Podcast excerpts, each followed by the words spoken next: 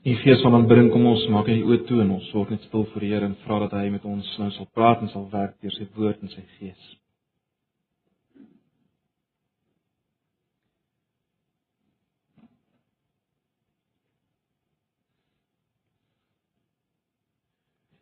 Ja Vader, as daar een ding is waar ons sal roem,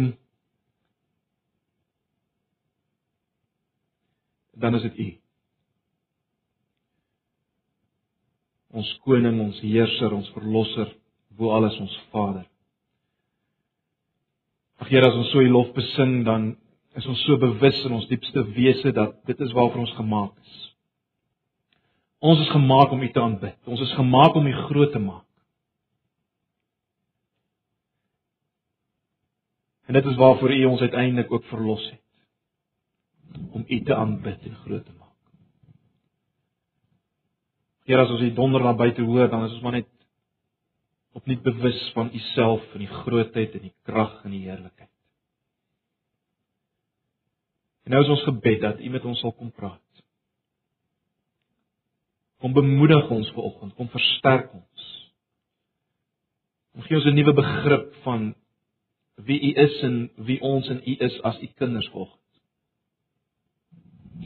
Asseblief. Ons pleit dit in die naam van Jesus ons Here. Amen.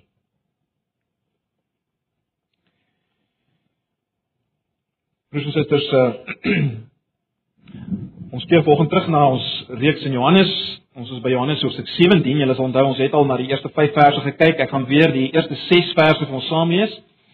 Ehm, um, so kom ons bly na Johannes hoofstuk 17. Ons onthou ons het nou so twee Sondae onderbreking gehad. Een Sondag gepraat oor uh oor die leierskap in die kerk en een Sondag het Dr. Isak vir ons voorgegaan. Kom ons gaan nou terug na Johannes hoofstuk 17.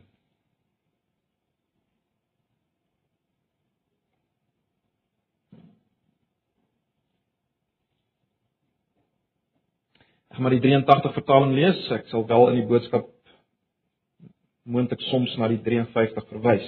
Johannes 17 vanaf vers 1. Nadat Jesus dit gesê het, dit dit wat hy nou net in die hele bovertrek gesprek gesê het, nadat Jesus dit gesê het dat hy na die hemel toe opgekyk en gesê Vader, die tyd of letterlik die uur het gekom, verheerlik u seun sodat die seun u kan verheerlik. U het hom immers die volmag oor die hele mensdom gegee om aan almal wat u hom gegee het, die ewige lewe te gee.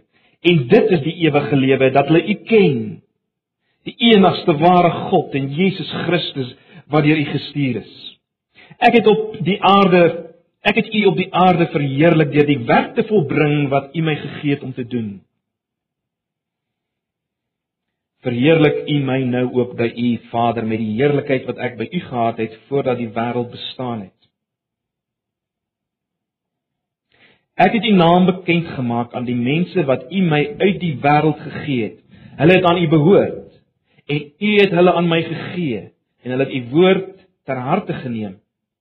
Nou weet hulle dat alles wat U my gegee het van U kom, van die woorde wat U my gegee het, het ek aan hulle gegee. Hulle het dit aangeneem en tot die oortuiging gekom dat ek waarlik van U gekom het en hulle het geglo dat U my gestuur het. Ons lees net so ver en ons gaan uh, spesifiek fokus op vers 6 uh, binne die konteks van die gedeelte. Nou, kom ek herinner julle maar net waarmee ons besig is. Ons is besig om te kyk nou na hierdie gebed van die Here Jesus. Hy's op pad uh, na Golgotha, uh, op pad om gekruisig te word en hy bid hierdie gebed en baie belangrik, hy bid hierdie gebed hardop. Hy bid dit hardop sodat sy disippels dit kan hoor en sodat ek en jy dit nou uiteindelik kan lees en weer kan hoor. Hoekom? Hoekom doen hy dit hardop? Hoekom wil hy hê ons moet dit hoor? Omdat broers en susters en ons moet dit mooi verstaan, omdat hy weet dat ons in hierdie wêreld dit gaan swaar hê. Onthou julle Johannes 16 vers 33 wanneer ons gekyk het. In die wêreld sal julle dit moeilik hê. Ons moet onder geen illusie verkeer vandag. Ons leef in 'n gebroke wêreld. 'n chaotiese wêreld. Ons beleef dit in ons midde. Daar is moeilikheid, swaar kry. En nêrens beloof hy om dit van ons dit van ons weg te neem.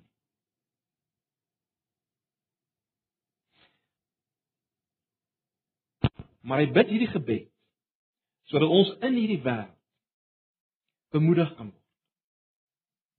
Dis hoekom hy dit bid. Of kom ek stel dit anders? Hy bid hierdie gebed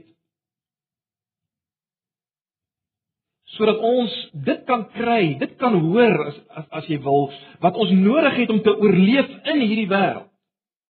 Maar nie net sodat ons kan oorleef nie, sodat ons vreugde kan hê in hierdie wêreld. Uh julle kan maar net daarna vers 13 kyk van Johannes 17, dan sê Jesus eintlik dat alles wat hy nou sê is sodat hulle blydskap kan hê.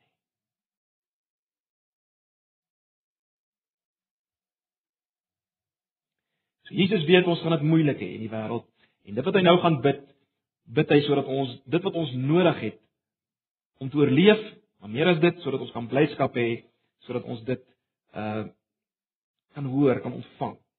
So Jesus wil ons versterk deur hierdie gebed. Hy wil ons denke vernuwe deur hierdie gebed.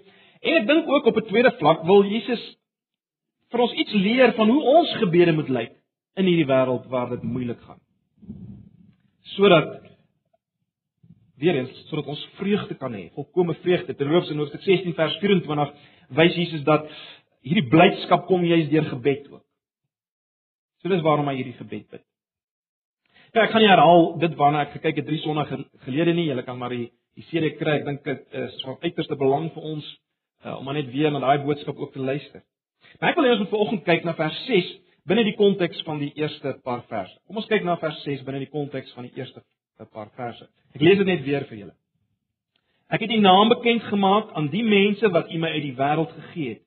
Hulle het aan U behoort en U het hulle aan my gegee en hulle het U woord ter harte geneem. Broers en susters, ek het al vir julle gesê mense is baie bewus dat jy staan op heilige grond as jy besig is met hierdie gebed. Hier is so ontsaglik baie hier. Uh ontsaglike deurslaggewende waarhede Eh, dat mens nie te vinnig hieroor moet gaan nie. En en daarom wil ek hê ons moet vanoggend net spesifiek as te ware hierdie een frase belig, hierdie een gedeelte belig uh ook vanuit die, die res van die gedeelte. Hierdie frase naamlik die mense wat U my uit die wêreld gegee het. Hulle het aan U behoort en U het hulle aan my gegee.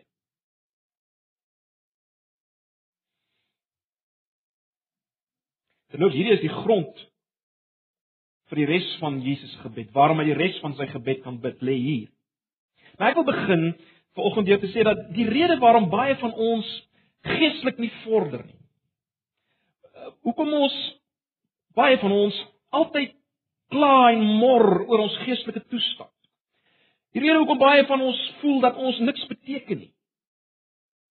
Die rede hoekom baie van ons voel God het ons nie lief nie, die rede daarvoor lê hier dat ons nie werklik verstaan en vat dit wat Jesus hier sê nie. Of anders gestel, ons weet nie werklik wie ons is as Christene nie. Ons weet nie werklik wie ons is as Christene nie. Ons vat nie dit wat Jesus hier sê nie. Wat sê Jesus hier? Wel, Jesus sê hier dat Christene is nie deel van hierdie wêreld nie. En ja, as Johannes praat van die wêreld, praat hy van die uh sondige rebelse wêreld, die hele stelsel wat in vyandskap is met God. Christene is nie deel van hierdie wêreld nie. Hulle is God se mense, hulle behoort aan God. Dis wat Jesus hier sê. Nou, ek weet onmiddellik sal jy dalk sê maar Jakobus, dis nie geweldig uh aardskuddend nie. Dis tog 'n algemene waar. Die probleem is ons praat baie hieroor, maar ons ons ons bedink dit nie werklik nie. Ons bedink nie werklik wat hier staan nie. Hierdie waarheid wat hier staan is een van die heerlikste waarhede binne in die Christelike geloof. Uh en en as ons dit verwaarloos, lei dit tot 'n geweldige verarming in ons geestelike lewens. As ons dit verwaarloos, lei dit tot 'n geweldige verarming. So ek wil hê ons moet onsself net 'n paar vrae vanoggend afvra oor hierdie waarheid in verband met hierdie waarheid. Kom ons vra onsself net 'n paar vrae. Eerstens, is dit 'n belangrike waarheid? Is dit 'n belangrike waarheid? My antwoord is Die belangrikheid van hierdie waarheid word baie gou duidelik as jy net na hierdie hoofstuk kyk. Kyk, as Jesus iets herhaal, dan is dit van kardinale belang, is dit nie so nie? En hierdie waarheid herhaal Jesus hier. En herhaal dit sodat ek en jy dit moet hoor. Ons kry hierdie waarheid nou in vers 6, die vers wat ons gelees het. Ons kry dit weer in vers 9. Luister. Ek bid vir hulle. Ek bid nie vir die wêreld nie, maar vir die wat U my gegee het, omdat hulle aan U behoort. Vers 10. Almal wat aan my behoort, behoort aan U en wie aan en wie aan U behoort, behoort aan my en ek word deur hulle verheerlik. Dan vers 11 en kom ek lees vers 11 in die 53 vertaling want ek dink 'n sleutelgedeelte is hier bietjie bietjie wegvertaal. En ek is nie meer in die wêreld nie, maar hulle is in die wêreld en ek kom na u toe, Heilige Vader, bewaar in u naam die wat u my gegee het, sodat hulle een kan wees net soos ons. Vers 12. Toe ek saam met hulle in die wêreld was, het ek hulle in u naam bewaar oor die wat u my gegee het, het ek gewaak. So hierdie stelling kom 5 keer voor in hierdie gedeelte. Ons het dit reeds in vers 2 raak geloop, miskien kan ons net weer na vers 2 kyk. Ehm uh, U het hom immers die volmag oor die hele mensdom gegee om aan almal wat U hom gegee het die ewige lewe te gee.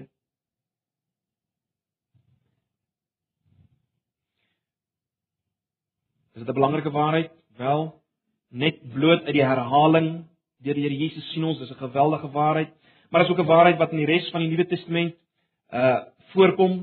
As jy dit eers begin raak sien, kom ons kyk net na 'n baie interessante een in Hebreërs 2. Miskien kan julle gou na Hebreërs 2 blaai. Hebreërs hoofstuk 2.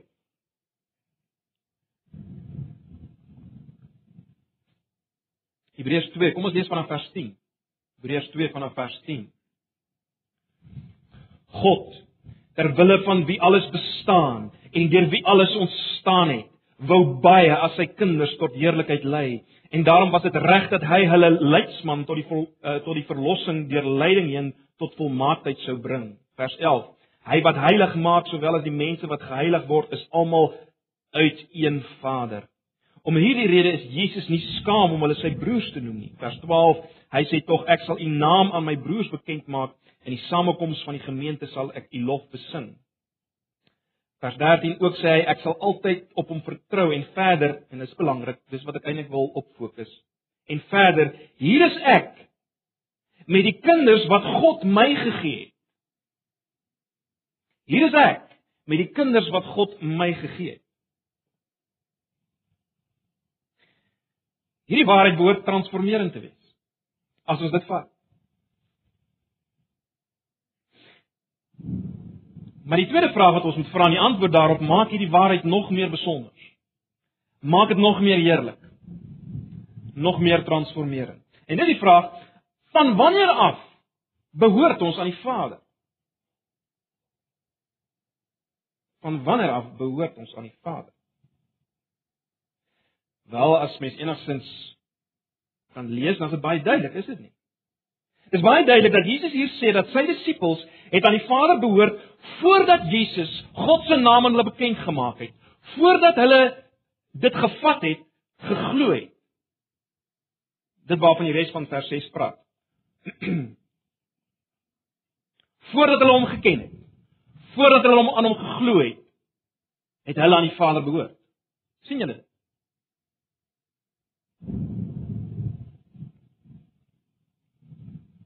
Dan word hulle aan God behoort voordat hulle geglo het. Voordat hulle die voordat Jesus God aan hulle openbaar het. Voor dit het hulle aan hom behoort.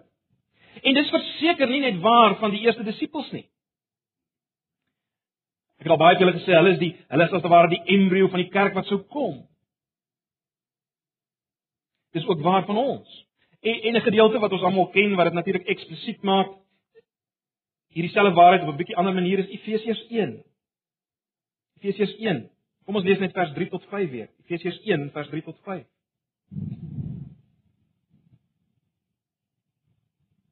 Efesiërs 1 vers 3 tot 5.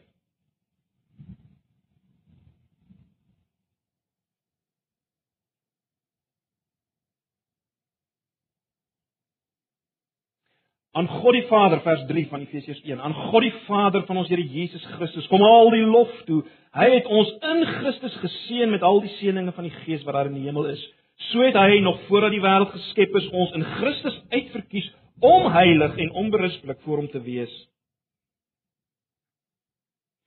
Vers 5 in sy liefde het hy ons volgens sy genadige beskikking toe ook al daarvoor bestem om deur Jesus Christus sy kinders te wees. Nou, oor hierdie vers kan mens baie debatteer. Ehm uh, of mense dit regtig moet sien in terme van tyd, want God is buite tyd, Christus is voor tyd. Uh die groot punt is natuurlik dit Paulus wil beklemtoon dat niks 'n rol gespeel het in dit wat God hier gedoen het. Dis ook my praat van voor die skep. Dit was nie afhanklik van enige geskape iets nie. Met ander woorde, voor ek en jy van Jesus geweet het of gehoor het, het God iets gedoen in ewigheid. God is ewig. Wat het hy gedoen? Wel, hy het mense in Christus gekies. Dis maar 'n ander manier om te sê dit wat Johannes sê, dat hy mense vir Christus gegee het. Die wat hy gekies het, wat hy eenkant gesit het, was nooit sonder Christus nie. Dis 'n een eenheid. Hy gee hulle aan Christus. Dit is maar wat hier in ander woorde gesê word.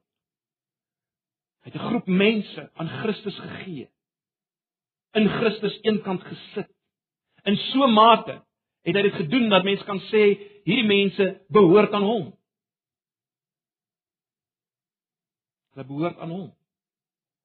Hy gee hulle vir Christus.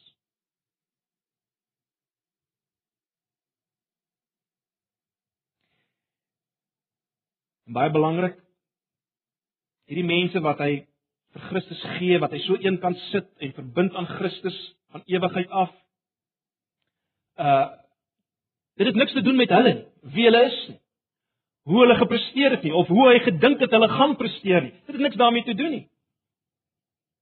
Hy het dit gedoen terwyl hy beweeg is, as jy dit so kan stel, deur niks anders as sy eie heerlikheid en sy eie karakter. Die feit dat daar niks in hierdie mense was wat besonder was nie, dui uit die feit dat Jesus sê hulle is uit die wêreld vir hom gegee. En weer eens ek die wêreld verwys nie na die fisiese planeet nie. Wêreld in Johannes is die sondige stelsel in rebellie teen God, die mensdom in rebellie teen God.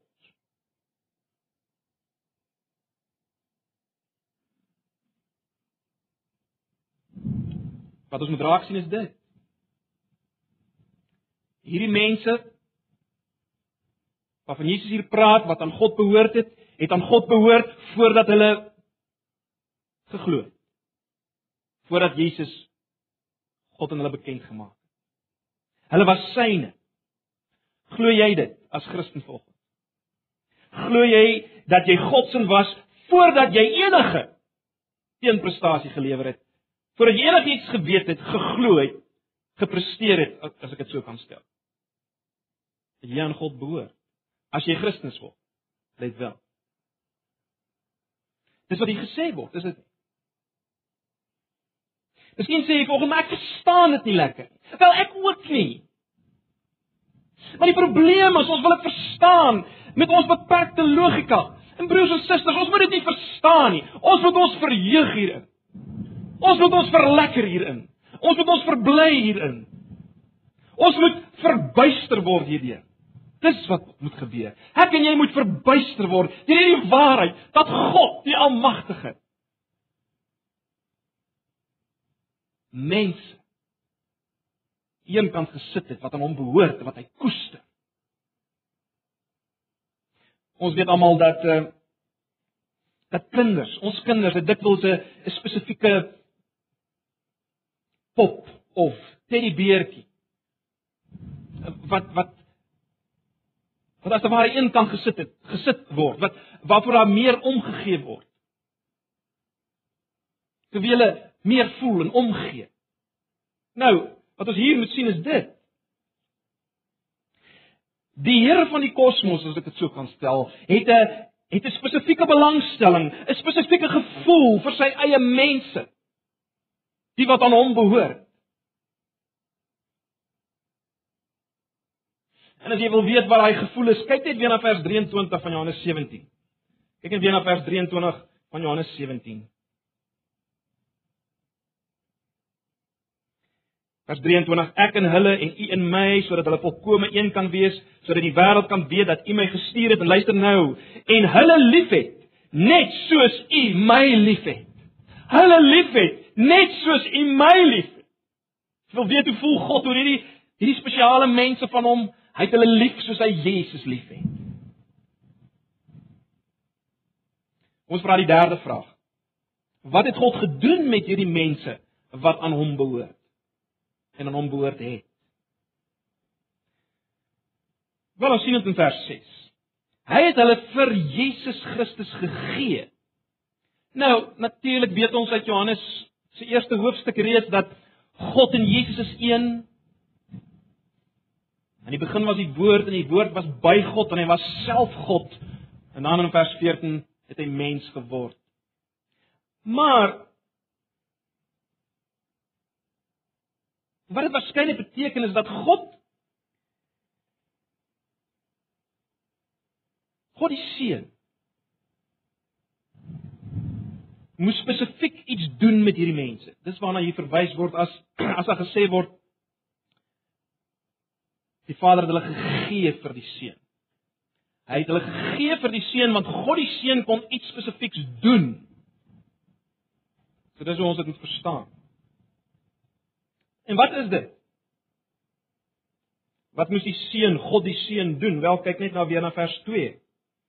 Vers 2: U het hom immers die volmag oor die hele mensdom gegee om aan almal wat U hom gegee het die ewige lewe te gee. sien, daar's baie duidelik. Hierdie mense wat aan God behoort, God gee hulle aan Jesus. Die bedoeling is Jesus moet iets vir hulle doen, hy moet vir hulle die ewige lewe gee.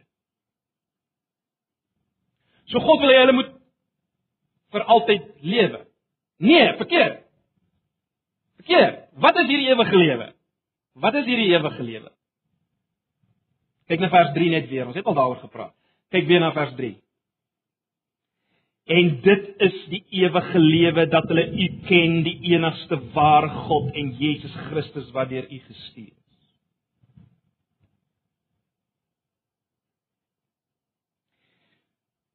En dit is waarmee Jesus besig was dwars deur sy hele bediening op aarde, dit waarna ons nou gekyk het in die weke wat verby is. Dit wat ons raak gelees het in Johannes. Jesus het iets van God gewys, die heerlikheid van God. Johannes 1 vers 18 sê dat hy letterlik het God uitgelê.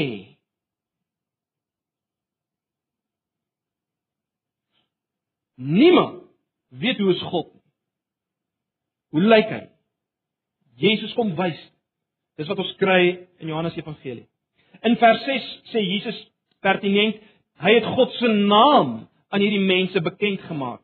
En nou sonder om nou te lank daarop uit te brei, God se naam staan vir God se karakter, so dit kom vir dieselfde neer. Wie God is.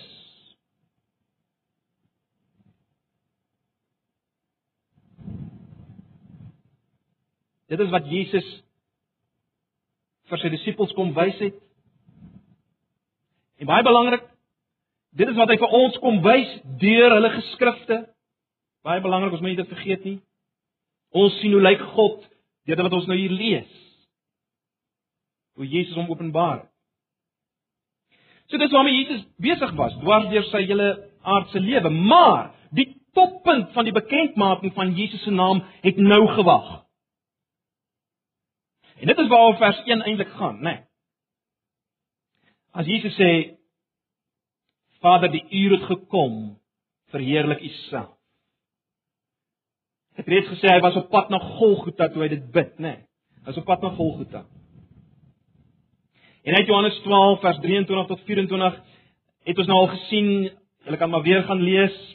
Uh baie duidelik uit Johannes 12 vers 23 tot 24 sien ons dat die verheerliking waarvan Jesus hier praat is niks anders as die kruis nie. Dit wat gaan gebeur aan die kruis. Dis waarvan Jesus praat. Hy sê Vader, die uur het nou gekom, verheerlik U self. Hy verwys na die kruis. Hy verwys na die kruis. So, broers en susters. Kom ons probeer om vir 'n oomblik te visualiseer wat buite tyd gebeur het en en dis net 'n poging. Ons sal dit nooit ten volle kan vat nie maar net om ons te help. Wat het gebeur buite tyd? Wel, in die lig van hierdie gedeelte dit. Die Vader het aan die Seun mense gegee met begrip van wat ons nou net gesê het van hierdie gee. Vader het aan die Seun mense gegee en hom gesê, ek het hierdie mense lief. Ek het hulle lief.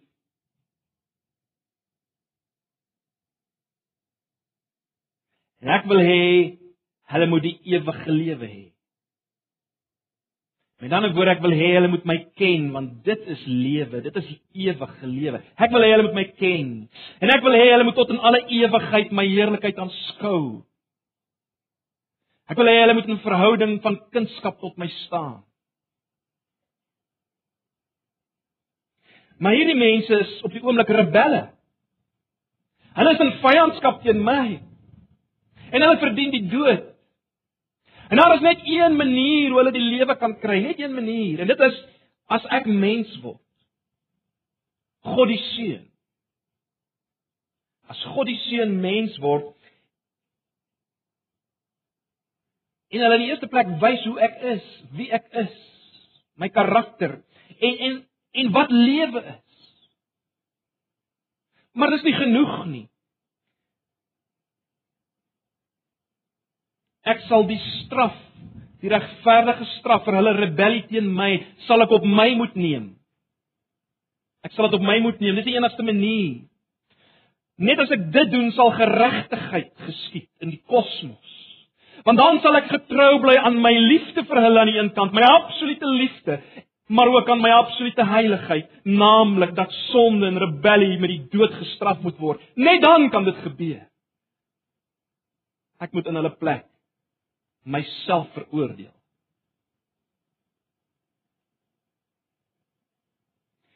So sal ek hulle met myself kan versoen. En hulle sal my ken dan. Hulle sal my ken. Hulle sal weet wie ek is, hoe ek is. En dit sal veral deur die kruis gebeur. Sonder die kruis sal hulle nooit kan weet wie ek werklik is nie. Behalwe vir die feit dat hulle sonde daar uitgewis en gedra sal word, hulle sal nooit weet hoe ek is en wie ek is sonder die kruis. Gaan doen dit. En die seun het by wyse van spreuke geantwoord: Ek sal dit doen. Want as ek dit doen, sal U verheerlik word. En my passie is dat U verheerlik moet word, want dan geskied reg in die heelal. U verheerlik word. Ag broers en susters, dis iets van wat gebeur het buite tyd. En as jy ver oggend hier sit as iemand wat die woord gevat het, wat aan Jesus vashou en daarom glo, dan was jy hierby ingesluit. Dan's dit jou agtergrond.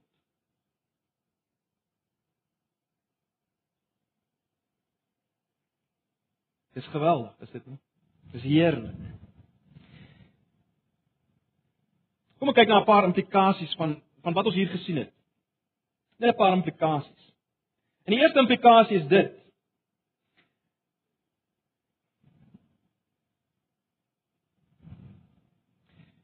Die siening wat baie mense het en baie Christene het in verband met verlossing en Christendom is hopeloos onvoldoende. Die siening wat baie mense het oor Christendom en verlossing is hopeloos onvoldoende. Dit word word gedink oor Christendom en verlossing as ek het 'n keuse gemaak vir Jesus en daarom het ek nou vergifnis van sonde gekry. Ek het vrede in my gewete. Ek het geluk en blydskap. Uh ek kry nou lyding EU in my lewe. Nou, moet jy nie verkeerd verstaan nie. Verseker moet ons 'n keuse maak. En verseker is daar voordele in Christendom, maar broers en susters, dis so 'n verarmde siening van van verlossing. Nee, God, die Vader het mense vir Jesus gegee sodat hulle hom kan ken. Dis waar dit gaan. Dit kom van hom af. En hy wil hê hy moet geken word. Dis waar dit gaan. So dis die eerste punt. En net 'n tweede uh, punt. In die lig van hierdie gedeelte verstaan baie van ons die werk van Jesus Christus nie werklik nie. Ons vat dit nie werklik nie. Kom dit vanoggend miskien as 'n verrassing in hierdie gedeelte dat dit nie deel is van Jesus se werk om ons aan God te laat behoort nie.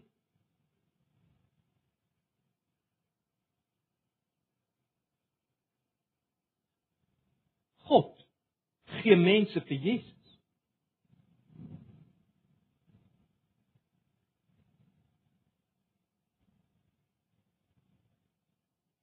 As dit 'n verrassing kom, is dit omdat ons nooit daaroor dink nie. En hand aan hand hiermee baie belangrik. Dis nie deel van Jesus se werk om seker te maak dat God ons liefhet nie. Sê dit weer. Dis nie deel van Jesus se werk om seker te maak dat God ons liefhet nie. Ons het baie keer die gedagte eh, of die die die idee in ons kop dat God ten diepste 'n kwaai nikkerige figuur is. En Jesus moes deur dit wat hy doen, God se idee en gedagte oor ons verander sodat hy ons kan lief hê. Maar dit is nie waar nie. Dis 'n leuen. Dis juis omrede God ons liefgehad het. Dat hy ons vir Christus gegee het. En dat God die Seun, onthou ons praat nie van twee, dis een God. Dit is juis omdat hy ons liefgehad het, dat hy ons gegee het. In Christus vir ons gesterf het. Dis nie sodat die Seun het nie gesterf sodat God ons kan lief hê nie. Ons moet dit vat. Ons laster God as ons so daaroor dink. Hy het ons nie eintlik liefgehad nie. Nee. En derdens wat hieruit voortvloei in die lig van hierdie gedeelte. Hoe behoort ons nie te dink oor die belangstelling en die liefde van die Vader en die Seun in ons nie? Hoe behoort ons nie te dink oor die belangstelling en die liefde van die Vader en die Seun in ons nie? Ag, ons spandeer dikwels so baie tyd en en ek sluit myself daarbey in om die vraag te vra, hoekom beleef ek so min van die Vader se liefde? Ek beleef so min van die Vader se liefde. Hoekom het God my nie meer lief nie? Hoekom doen hy nie meer dinge vir my nie? Nou dis beskrikwekkend om so te praat. Jy sien, die probleem is dat ek en jy nie sy liefde besef nie. Dis dis die probleem. Mense sê dikwels ek voel my liefde vir God is so onvoldoende. Wel is waar. Dis waar. Maar wat is die genesing hiervoor? Die genesing hiervoor is nie om om om dinge in jouself te probeer doen en opwerk in jou binneste nie. Die manier is om te begin om God se liefde vir jou te ken, te vat, te glo. Dan sal dit lei tot liefde vir hom. Dis die pad na liefde broers en susters. As ons maar vir een dag God se liefde vir ons ten volle kan vat. As ons maar dit vir een dag ten volle kan vat, dan sal dit 'n revolusie in ons lewens bewerkstellig. Revolusie.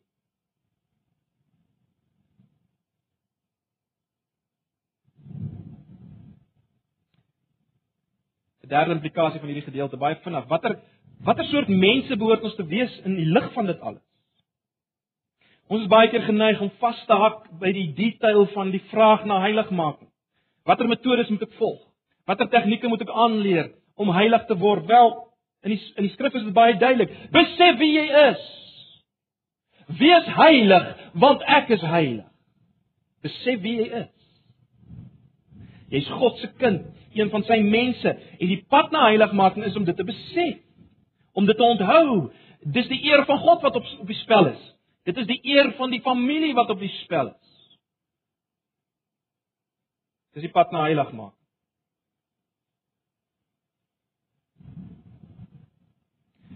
Sê weer broers en susters, as ek en jy die verhouding waarin ons met God staan en die teenwoordigheid van God in ons lewens net een dag kan besef, werklik vat,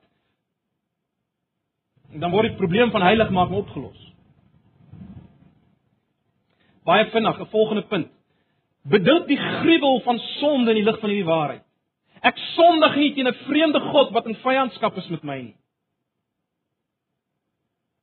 Gaan dink self daaroor, gaan dink oor die implikasies van sonde. Net 'n volgende ding baie belangrik.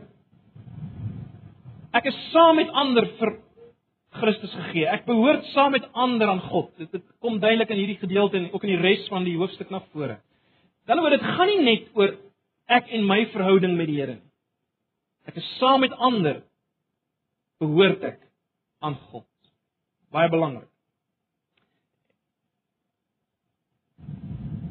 'n Laaste implikasie of 'n laaste waarheid wat ons maar net moet onthou, ek gaan nie nou daarop uitbrei nie, ons sal by 'n ander geleentheid daarna kyk.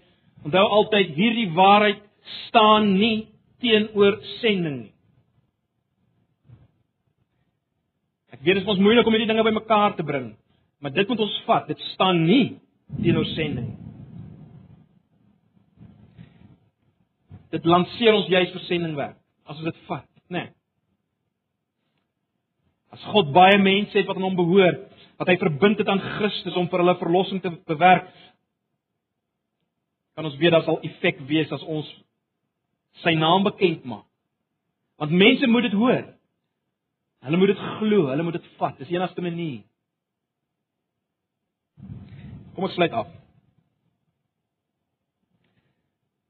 Het 'n paar sondae gelede klem gelê op die feit dat die grond vir ons sekerheid, die sekerheid van ons finale verlossing, die sekerheid vir die feit dat ons dit of die sekerheid van die feit dat ons dit sal maak tot die einde toe, lê ten diepste nie in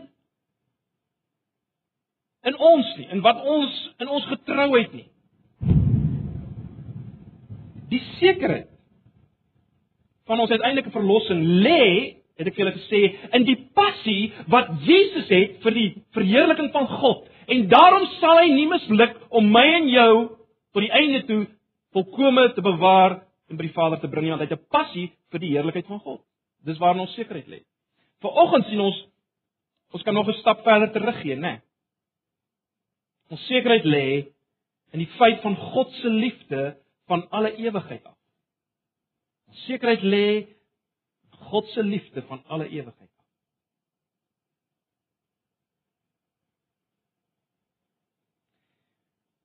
Ag, broers en susters, dis dis jou identiteit. Vat dit. Ek behoort aan God. Hy het my lief. Dis die identiteit wat Jesus gehad het. Onthou julle die stem wat uit die hemel uit gekom het? Dit is my geliefde seun in wie ek welbehaag het. En dit het gemaak dat Jesus kon aangaan in die wêreld.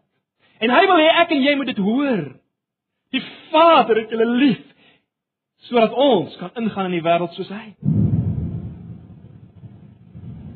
So begin so oor jouself dink. Hou op met die gedagtes van ag ek maak dit nie. Ek sal seker nooit goed genoeg vir God wees nie. God is seker nie tevrede met my nie. Hy, hy is nou seker weer Dis lasterlik. Hou op daarmee.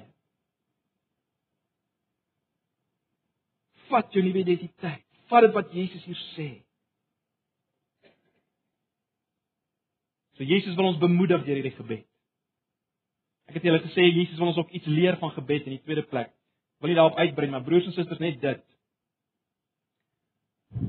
Ons gebede neig te veel rondom onsself en al ons behoeftetjies. Kom ons leer om ons gebede 'n bietjie verder te dink en te bid ook vir die rondom ons. Kom ons leer iets van hoe Jesus hier gebid het. Begin bid oor die groter plan van God en wie hy is en wat hy doen en kyk watter vreugde jy in gebed gaan beleef. Los die inkopieslys. Bid soos Jesus. Ag broers en susters, mag die Here hierdie gedeelte gebruik om ons te bemoedig en te versterk in hierdie oggend op 'n wonderlike manier. Dis net hy dit kan doen. Kom ons sit net so dan bid ons saam.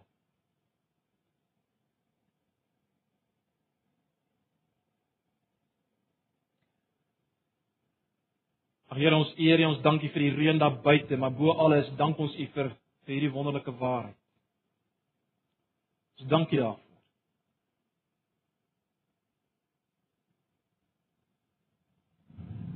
Ons eer U daarvoor. Vergewe ons Here dat ons dit so min bedink, koester. Asseblief. Here baie dankie dat ons nou die tekens kan gebruik wat ons herinner hieraan. Wat dit vir ons bevestig. Ag.